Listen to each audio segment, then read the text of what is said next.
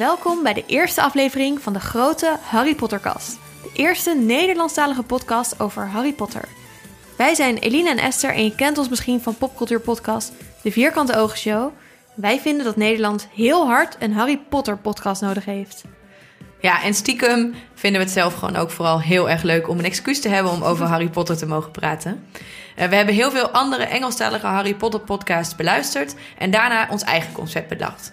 En we gaan elke aflevering een hoofdstuk met jullie lezen en bespreken, beginnend bij boek 1, hoofdstuk 1. En we kunnen het ons bijna niet voorstellen, maar als je nou nog helemaal niks van Harry Potter weet en je bent wel bij deze podcast aanbeland, een hele grote spoiler alert. Ja, want we bespreken alles.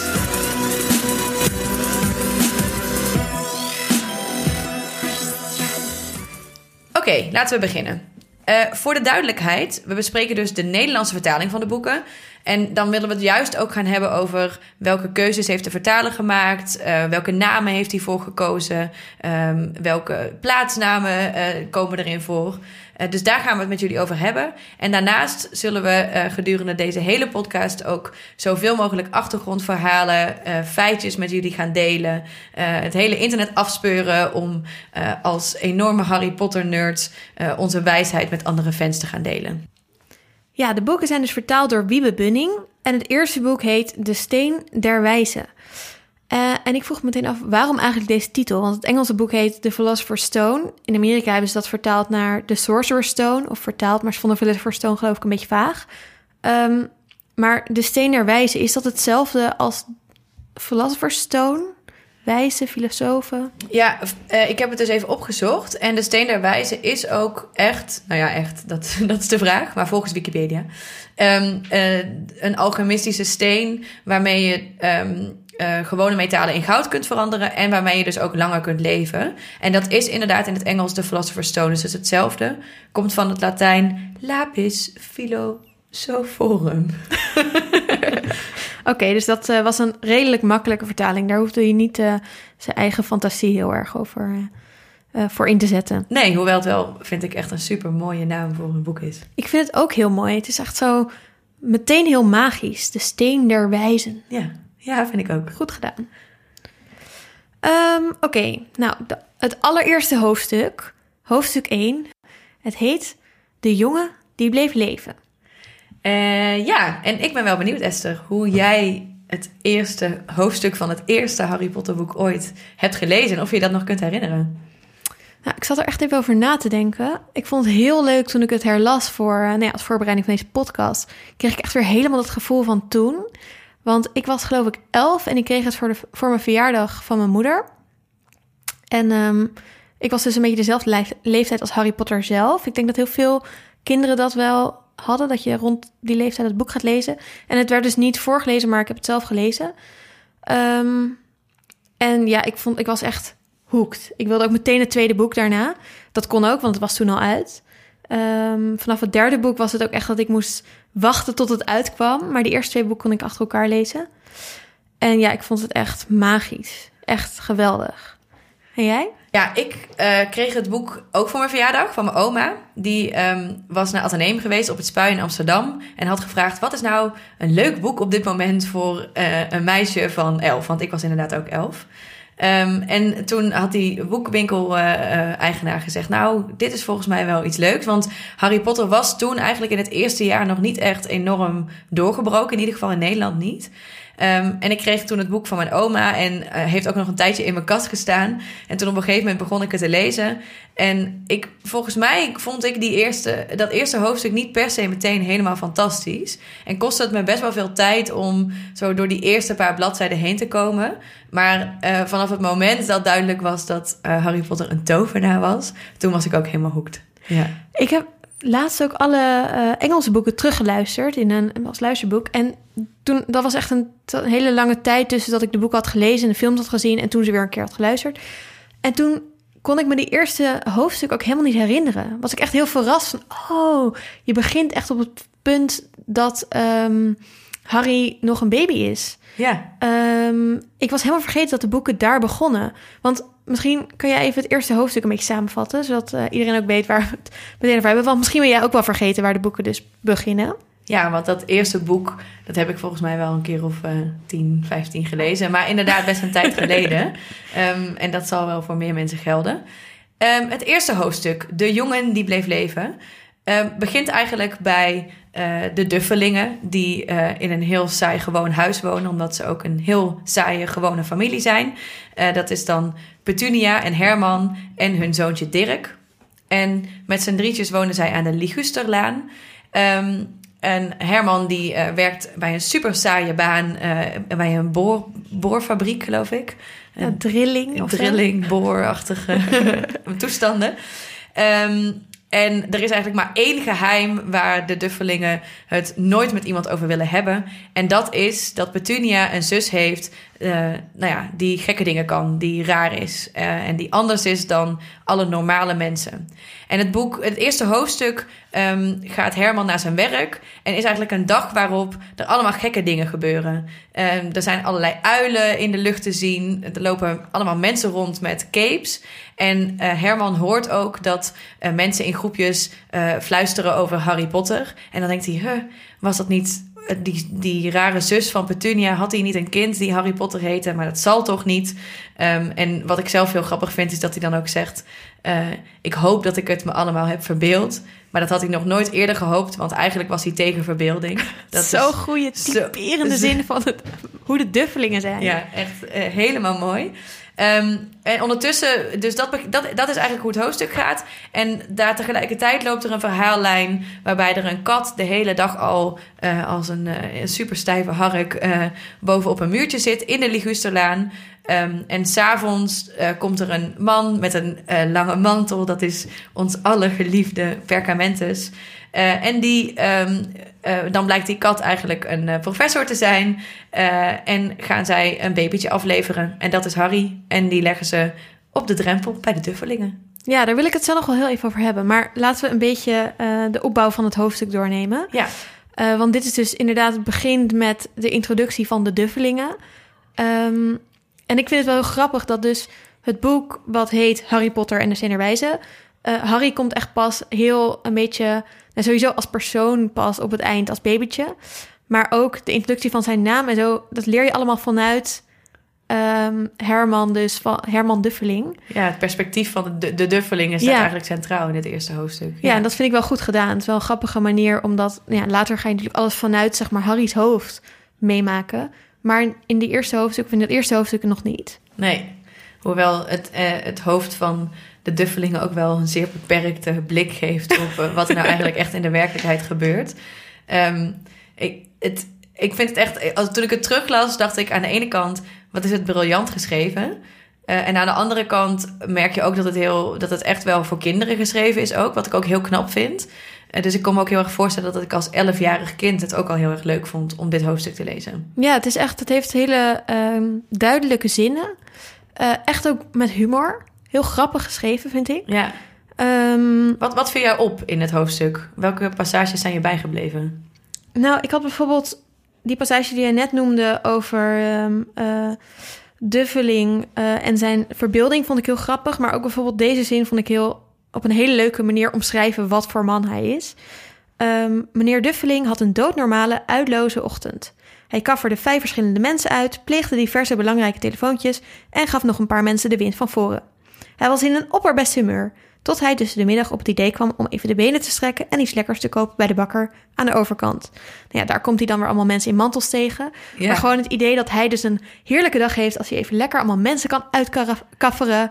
Uh, als hij lekker um, allemaal belangrijke telefoontjes kan plegen. Uh, het geeft gewoon een heel grappig beeld uh, en in één keer wat voor man, niet zo leuke man dat eigenlijk is. Nee, en dat hij dan ook inderdaad even de benen strekken en een donut halen bij de bakker tegenover. Ja. Het, is, het, het is een prachtige uh, typering inderdaad van hoe die familie in elkaar zit. Wat viel jou uh, verder op? Nou, ik vond het ook wel interessant. Ik vroeg me af waarom uh, want Petunia die, en, en Duffeling die weten dus wel van uh, de Potters. Mm -hmm. En terwijl Petunia wil dus eigenlijk dat niemand iets afweet van haar rare zus. En ze hebben het er ook nooit over. Ze hebben een soort van in hun huis een afspraak dat, het, dat je het nooit over de Potters mag hebben. Maar toen vroeg ik me dus wel af van waarom en wanneer zou Petunia nou eh, aan meneer Duffeling hebben verteld over haar zus. En hoe zou dat zijn gegaan? Oh ja, ja, inderdaad. Ja, want je merkt wel echt, hij, Duffe, of eh, Herman is ook echt bang om het met haar erover te hebben. Ja, want hij weet dat ze dan heel snibbig wordt. Ja, Ja, maar maar dat nou, is- moment kan ik me ook niet voorstellen. nou eh, toevallig heeft eh, J.K. daar dus iets over geschreven. Eh, die heeft ons daar wat extra informatie over gegeven. I love it. Ja, superleuk. Ehm, eh, want ehm, ze, ze zijn dus op een gegeven moment verloofd toen ze elkaar hebben ontmoet op een doodnormale saaie baan. En ehm, eh, toen ze al verloofd waren, toen pas eh, dacht Petunia, ja, nu moet ik ook wel iets zeggen over die rare zus. En ze was er ook heel bang voor, want ze was heel bang dat hij dan, ja, dat hij nooit meer met haar wilde samen zijn of zo. Ah. Ehm, dus en eh, tijdens één specifieke date ehm, zaten ze in, in Hermans auto. ehm, waar ze net eh, chips hadden gekocht, omdat ze net naar de bios waren geweest en nog even wilden snacken. En eh, toen is ze in tranen uitgebarsten en over de rare zus heeft ze verteld.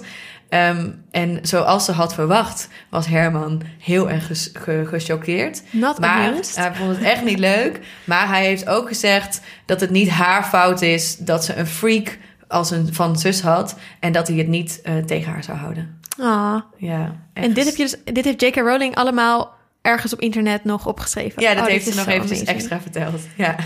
Wat ik ook heel grappig vond, ehm, was dat als ehm, Herman dan tegen Petunia ehm, toch even gaat checken van hadden zij niet een zoon die Harry heet, dan zegt hij iets van hun zoontje, die zal ongeveer even oud zijn als Dirk, niet waar? Dat zal wel, zei mevrouw Duffeling stijfjes. Hoe heet hij ook weer? Henny of zo? Harry. Echt zo'n lelijke, ordinaire naam. Dat ik echt dacht, jullie eigen zoon heet Dirk. Ja. ja. Doe normaal. Hoe ordinair is dat? Super grappig. Ja, heel grappig. Maar het geeft ook aan dat zij dus echt meteen ook heel kribbig gaat reageren. Ja, ze vindt het gewoon niet leuk. En het tweede deel van het hoofdstuk gaat dan dus eh, wat meer vanuit het perspectief van eh, Perkamentus en de kat die eigenlijk professor Anneling blijkt te zijn. ik wil wel even een momentje voor de introductie van Perkamentus, want Ik vond dit echt amazing. Even kijken. Ehm, de man was lang, mager en stokoud. Te oordelen naar zijn zilvergrijze haar en baard, die zo lang waren dat hij ze allebei gemakkelijk in zijn broek kon stoppen. Hij droeg een lang gewaad, een paarse mantel die over de grond streek en laarzen met gespen en hoge hakken. Dat is toch geweldig? Dat viel mij ook op toen ik het las. Hoezo? Die hoge hakken, die, zijn, die, die had ik helemaal vergeten. Ja, waar zijn die in de film? Die zijn in de films, zijn die er volgens mij niet. Maar ik weet ook niet of ze in de rest van de boeken... Heeft Perkamentus ook op, op school altijd laarzen met hoge hakken aan? Ik hoop het. Ik hoop het ook. Dat is echt awesome namelijk. Het is echt heel leuk. heel ik zie nu echt een soort cowboy boots onder een mantel voor me. Ja. Ik vind het echt Onder zo een paarse beeld. mantel. Ja, Dit, is echt, dit is echt fantastisch. Ja. Ja, echt. En misschien nog interessant om, eh, om nog wat kleine dingen te zeggen over de vertalingen. Want de Nederlandse vertaling in zo'n eerste hoofdstuk zie je dat de vertaler al best wel wat keuzes heeft gemaakt. En daar gaan we straks ook nog wel wat verder over hebben. Ehm, maar een aantal woorden die mij opvielen. Ehm, de eerste was de uitsteker. Oh ja. Eh, de, het, het apparaatje waarmee Perkamentus in één klik ehm, alle bolletjes van, eh, van de lantaarnpalen op straat kan vangen. En dan daarna ze ook weer allemaal aan kan doen. Dus eerst doe hij ze uit en dan weer aan. In het Engels is dat de put-outer. En eh, ik zag eh, op internet dat daar heel veel discussie over is dat het een super lelijke naam is. En dat dat de reden is waarom eh, in latere boeken uiteindelijk het de Illuminator gaat heten. oh ja. Ehm, ja, in de film ook. In de film ook. Maar de uitsteker is echt briljant. Dat is echt zo mooi bedacht. Dat is echt zo'n goed woord. Ja. het is echt- Veel beter dan put-outer. Ja, ik kan me echt voorstellen dat je als vertaler zeg maar put outer ziet en dan denkt... Huh, dat kan echt zoveel leuker. Ja, en dan heb je gewoon uitsteker bedacht. Hoe leuk is het ook los van dit specifiek voorbeeld, maar om die boeken te vertalen. Ja, het lijkt me echt om fantastisch. al die dingen te bedenken. Ja. Het lijkt me echt... Nou, we kunnen misschien ook in de volgende aflevering of zo... nog een keer wat uitgebreider hebben over die Wiebe Budding die dit vertaalt. Ja. Maar echt, wat een leuke baan. Ja, een ander woord wat, eh, wat mij ook wel opviel in de Nederlandse en Engelse vertaling, altijd eigenlijk, is dat you know who in Nederlands je weet wel is. Ja, want die Wat- komt ook hier nu het eerst in voor. hè? Die komt, ja, die komt nu het eerst, wordt die hier genoemd. En ik las het woord je weet wel en toen dacht ik, het is heel grappig, want het, is gewoon, het zijn gewoon drie woorden aan elkaar geplakt. Maar voor mij is dat altijd echt één woord geweest. Ja, voor mij ook. Je weet wel. Je weet wel. Dat is gewoon een naam. zeg maar. ja, precies. En dat vind ik, ik weet dus, ik kan me niet zo, ik weet niet zo goed of dat bij You Know Who ook is. Maar ik vind je weet wel is echt ook zo'n woord. Het loopt wel lekkerder, je weet wel, dan you know who. Ja. Omdat die know who, dat is net is- niet lekker. Nee, precies. Dus ik vraag me af of, of Engelstalige kindjes dat ook altijd als echt een naam hebben gezien. Of ik niet. ook wel, ja. Ja. Oké, maar nog even over dat tweede deel, hè. Ehm Perkamentus en Anderling zitten daar dus. Harry is net eh, ehm, als babytje opgehaald door Hagrid uit de eh, ruïnes van het huis... nadat eh, zijn ouders zijn gedood door, door Voldemort, of door je weet wel. Ehm Hagrid komt daar aan, ehm, wordt ook geïntroduceerd dat hij ehm, voeten heeft als babydolfijntjes. Ja. Wat ik echt een super grappige vergelijking vind. Ja. Hoe kom je erop? Ehm, nou, die zien we eigenlijk maar heel kort, want ze leggen dat babytje voor de deur van de Duffelingen. Goh, zielig, vervelend, ja, en dan gaan ze weg. Even moreel punt. Hoezo laat je een babytje midden in de nacht voor de deur achter zonder dat je aanklopt of zo? Ik bedoel, Perkamentus heeft een brief geschreven waarin hij dingen uitlegt. Die legt hij in dat mandje. Dan leg je dat mandje neer. Dan kijken ze ernaar. Nou, veel geluk, Harry, mompelde hij. Hij draaide zich abrupt om en verdween met zijn zacht geruis van zijn mantel. Ja, en dan en- laten ze de baby gewoon er liggen. En dan staat er... ehm, een paar uur later zou die gewekt worden door het gekrijs van mevrouw Duffeling... wanneer ze de voordeur opendeed om de lege melkfles buiten te zetten. Dus de volgende ochtend wordt hij pas gevonden. Dat is toch raar? Ja, en sterker nog, nu je het zegt... Dit is ook de nacht waarop Voldemort Harry heeft geprobeerd te ze vermoorden. weten Dus niet die waar Voldemort is. Ze weten niet waar die is. Ze weten niet of hij nog volgelingen heeft die Harry nu proberen uit alle macht te vermoorden. Het is eigenlijk wel vet raar dat je dan die baby gewoon in zijn eentje op straat laat liggen en denkt, nou het zal wel. Terwijl er allemaal raar. tovenaars waarschijnlijk zijn die hem willen zoeken of die iets met hem... Ik bedoel, die hele wereld weet nu over Harry op die avond. Best wel raar inderdaad. En daarnaast, eh Anderling zegt ook dat ze de hele dag... eh, Anderling is eh, McGonagall in Nederland. ja. Ehm, dat ze de hele dag eh, de, de duffelingen heeft geobserveerd. En ze zegt ook tegen Perkamentus... wat, laat je hem achter bij hen? Want dit is echt een ver- verschrikkelijke dreuzelfamilie. ja, dit zijn echt de ergste dreuzels Ja. die ik ken. En dan eh, zegt Perkamentus van... nee, maar is goed, want hij eh, kan dan gewoon rustig opgroeien, bla, bla, bla. Maar is er in al die elf jaar niet één keer dat Anderling... zeg maar denkt, oh, ik moet even checken op hoe het gaat... want ik weet nog dat die deuzelingen, het reuzels, duffelingen...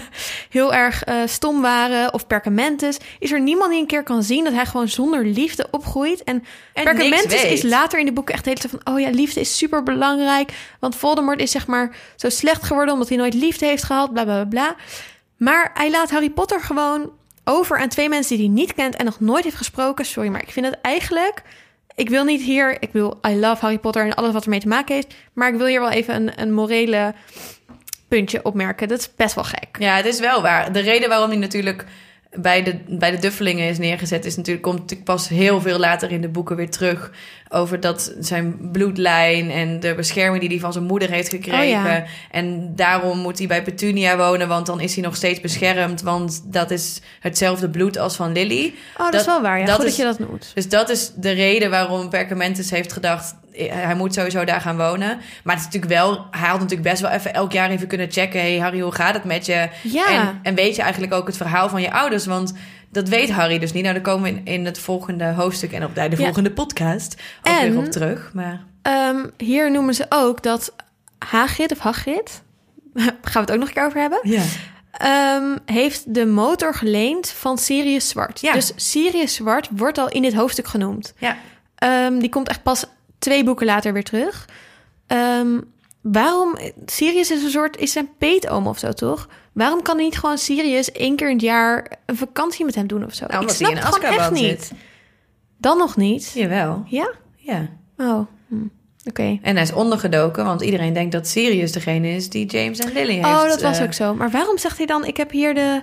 Ja, ik denk dat dus dat ik toen ik, Ik dat las, vroeg ik me dat ook af, want volgens mij is dus die nacht is nog niet duidelijk wie James en Lily heeft verraden. Oké. Ehm, dus die nacht is dit gewoon gebeurd. Hagrid gaat er naartoe, Sirius, eh, daar leent hij de motor van. En volgens mij komt pas in de dagen daarna komt pas naar boven dat iedereen denkt dat Sirius degene is die hun heeft verraden. Oh ja, want hij heeft inderdaad tien jaar in gezeten. Ja, oké, Ja. nee, of eh, heel veel jaar, dat klopt. En eh, Maar daarnaast, dan of zo? Iemand? ja, iemand had wel even bij hem heeft, kunnen checken. heeft Harry verder nog familie? Nou, hier heeft eh, gelukkig... eh, J.K. Rowling heeft ons nog zoveel meer gegeven. Ehm, die heeft er gelukkig ook iets over geschreven. Eh, nee, eigenlijk heeft hij alle twee zijn opa's en oma's zijn allemaal overleden. Ehm, Petunia en, uh, en uh, Lily, die hebben natuurlijk gewoon dreuzelouders. Die zijn gewoon normale dreuzel doodgestorven. Um, en, Zoals wij gewone normale stervelingen. ja, precies. En de ouders van James, die um, kregen James pas toen ze al zelf al best wel oud waren. Dus tegen de tijd dat Harry was geboren, zijn zij, waren zij ook al overleden. En, en J.K. Rowling heeft gezegd, ja daar zit verder niet heel veel gedachtegang achter. En het is ook niet heel serieus of sinister. Maar um, ze zegt, ik, ze moest er gewoon uit, ik moest er gewoon uit de weg hebben. Want voor het plot was het interessanter als hij helemaal alleen was. Oh, oh zielig. Echt zielig. nou ja, het hoofdstuk eindigt dan uh, eigenlijk met de zin... Dat is misschien wel leuk om even voorlezen. Je hoort mij hier nu door bladeren.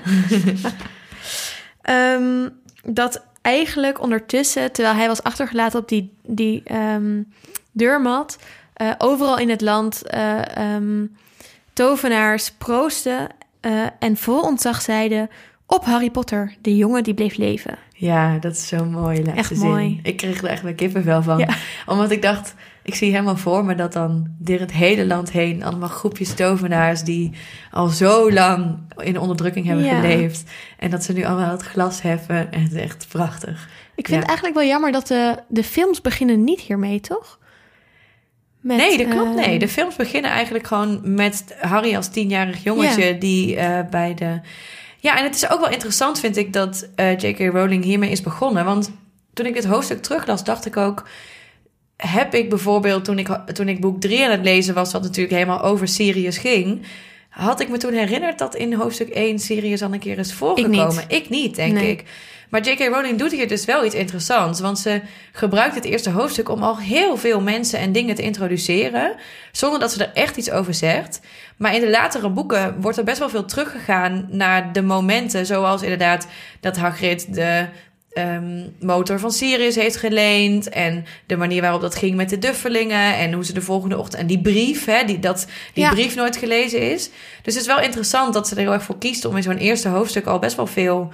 Uh, ja, lijntjes uit te gaan zetten. Waar ja. ze later op terug kan komen. Ja, en dat je ook meteen, um, nou ja, wat ik eigenlijk in het begin ook al zei, dat je meer een beeld hebt van um, de omstandigheden waarin Harry gaat opgroeien dan nog van Harry zelf. Daar weet je eigenlijk nog helemaal niks over. Je weet nee. niks over zijn ouders. Ik bedoel, alleen hun naam wordt genoemd. Ja, je weet helemaal niet wie dit eigenlijk is. En... Je weet iets over de relatie die ze hebben met Petunia en, en Herman uh, Duffeling. Nee. Maar um, het is grappig dat de introductie van het hele boek is eigenlijk helemaal geen introductie van Harry of van de tovenaarswereld. Of, um, en volgens mij dat daar zal vast een. een uh, ja, dat is vast een, uh, een vertelmanier die. Uh, ja, die werkt. Nou, het werkt ook. Het werkt, ja. zeker.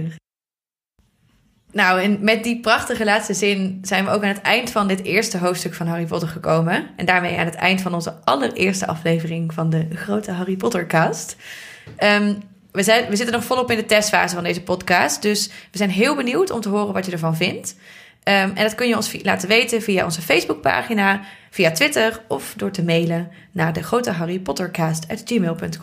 Ja, en dat kan je ook doen als je um, het helemaal niet eens bent met onze analyses. Of juist als je zelf nog leuke weetjes hebt. Of zegt, oh, dit hoofdstuk heb ik zo'n goede herinnering aan. Laat het ons dan weten. We vinden het ook leuk om dat dan in onze volgende aflevering weer te noemen. Van, oh, woorden van die en die, dat hij deze herinnering had. Of um, superleuk is ook als je je Minutes of Fame wil op onze podcast. um, Laat het ons dus weten. ja, dat kan ook via al die, uh, die kanalen. Uh, ja, en de komende tijd zullen we regelmatig een aflevering online gaan zetten. Um, de volgende aflevering gaat niet alleen over hoofdstuk 2, maar ook wat dieper in op de vertaling en de vertaler en welke keuzes hij heeft gemaakt. Um, en er staat ook al een grote Hagrid-aflevering op de planning. Dus houd ons in de gaten en abonneer je in de podcast-app.